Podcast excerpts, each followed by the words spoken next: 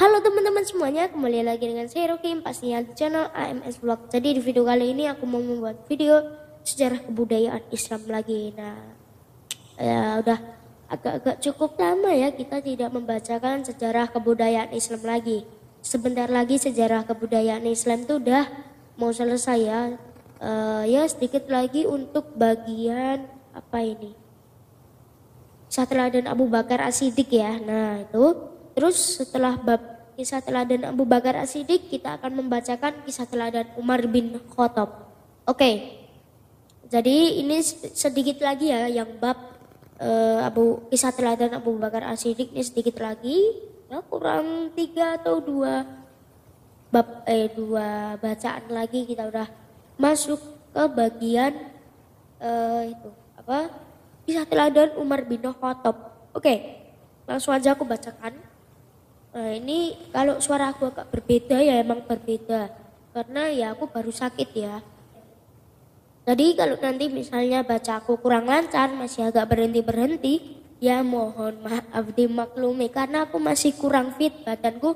Ini benar-benar kurang fit, badanku kurang sehat. Ya gitu deh. Mengalami pandemi saat ini. Oh ya jangan lupa di rumah aja ya. Nonton channel AMS Vlog. Atau enggak kalau misalnya teman-teman uh, enggak mau nonton di YouTube teman-teman bisa dengarkan di Spotify. Cari aja AMS Podcast. Nah udah muncul nanti di situ kebanyakan kita masukkan SKI kalau misalnya teman-teman pengen dengerin suaranya aja ya. Tapi itu juga kita ambil dari YouTube terus aku download kita uh, channel AMS download terus habis itu dimasukin ke Spotify gitu. Jadi ya intronya, openingnya, closingnya itu masih sama. Jadi kalau ada suara halo teman-teman semua kembali lagi dengan saya Ruki pastinya di channel ya gitulah.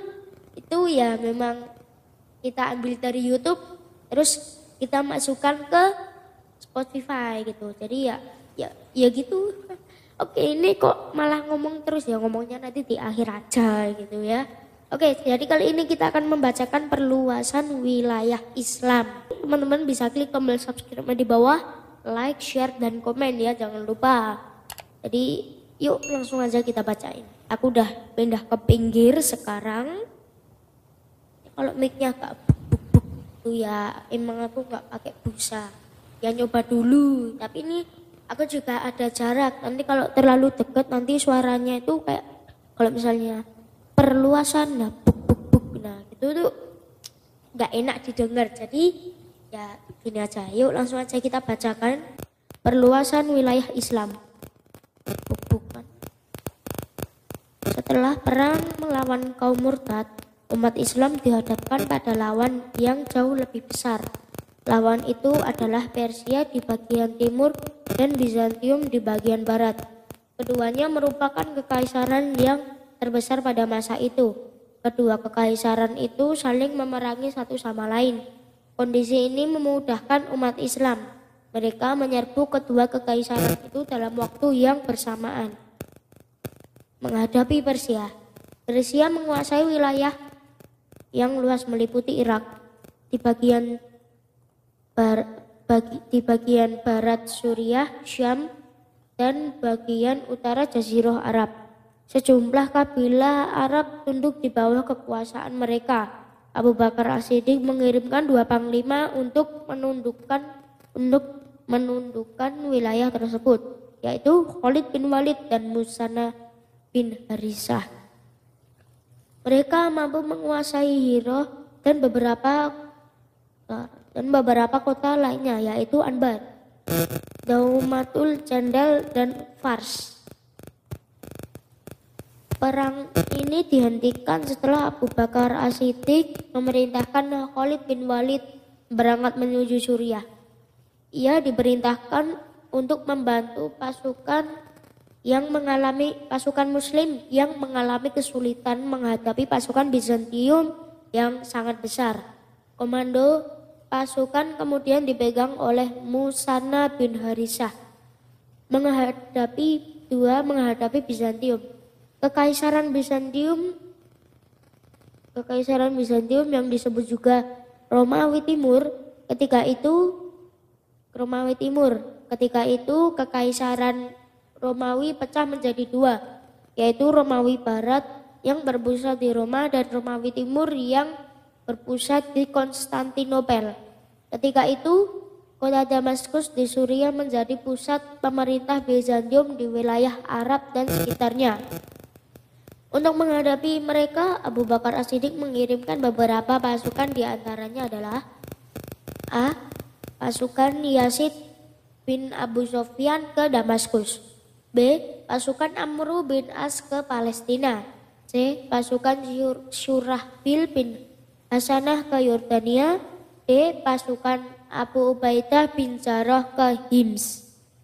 Pasukan Islam ketika itu berjumlah 18.000 orang. Adapun pasukan Romawi berjumlah 240.000 orang. Pasukan menghadapi jumlah yang sangat besar itu, pasukan muslim mengirimkan mengalami kesulitan. Khalifah Abu Bakar As-Siddiq segera memerintahkan Khalid bin Walid agar berangkat menuju Syam. Khalid bin Walid kemudian melakukan perjalanan bersejarah selama 18 hari melewati padang Sahara yang belum pernah dilewatinya. Ia segera bergabung dengan pasukan muslim yang ada di sana. Pertemuan akhirnya pecah di pinggir sungai, di pinggir sungai Yarmuk. Oleh karena itu, perang ini disebut Perang Yarmuk. Ketika perang tengah berkecamuk, datanglah kabar bahwa Abu Bakar As-Siddiq meninggal. Nah ini kita akan bahas di uh, video selanjutnya. Ini juga sebenarnya udah aku ketik, tinggal aku syuting aja. Ini tadi ada buk-buk-buk gitu ya. Adalah ya. Oke langsung aja lanjut. Beliau digantikan oleh Umar bin Khattab. Khalid bin Walid kemudian digantikan oleh Abu Ubaidah bin Jarrah. Perang ini akhirnya berhasil di menangan pasukan muslim dan menjadi kunci utama runtuhnya kekuasaan Bizantium di tanah Arab. Oke teman-teman jadi sampai sini dulu video aku. Jangan lupa tekan tombol subscribe di bawah. Like juga share dan komen. Terakhir nama aku sampai jumpa lagi di video lainnya. Dadah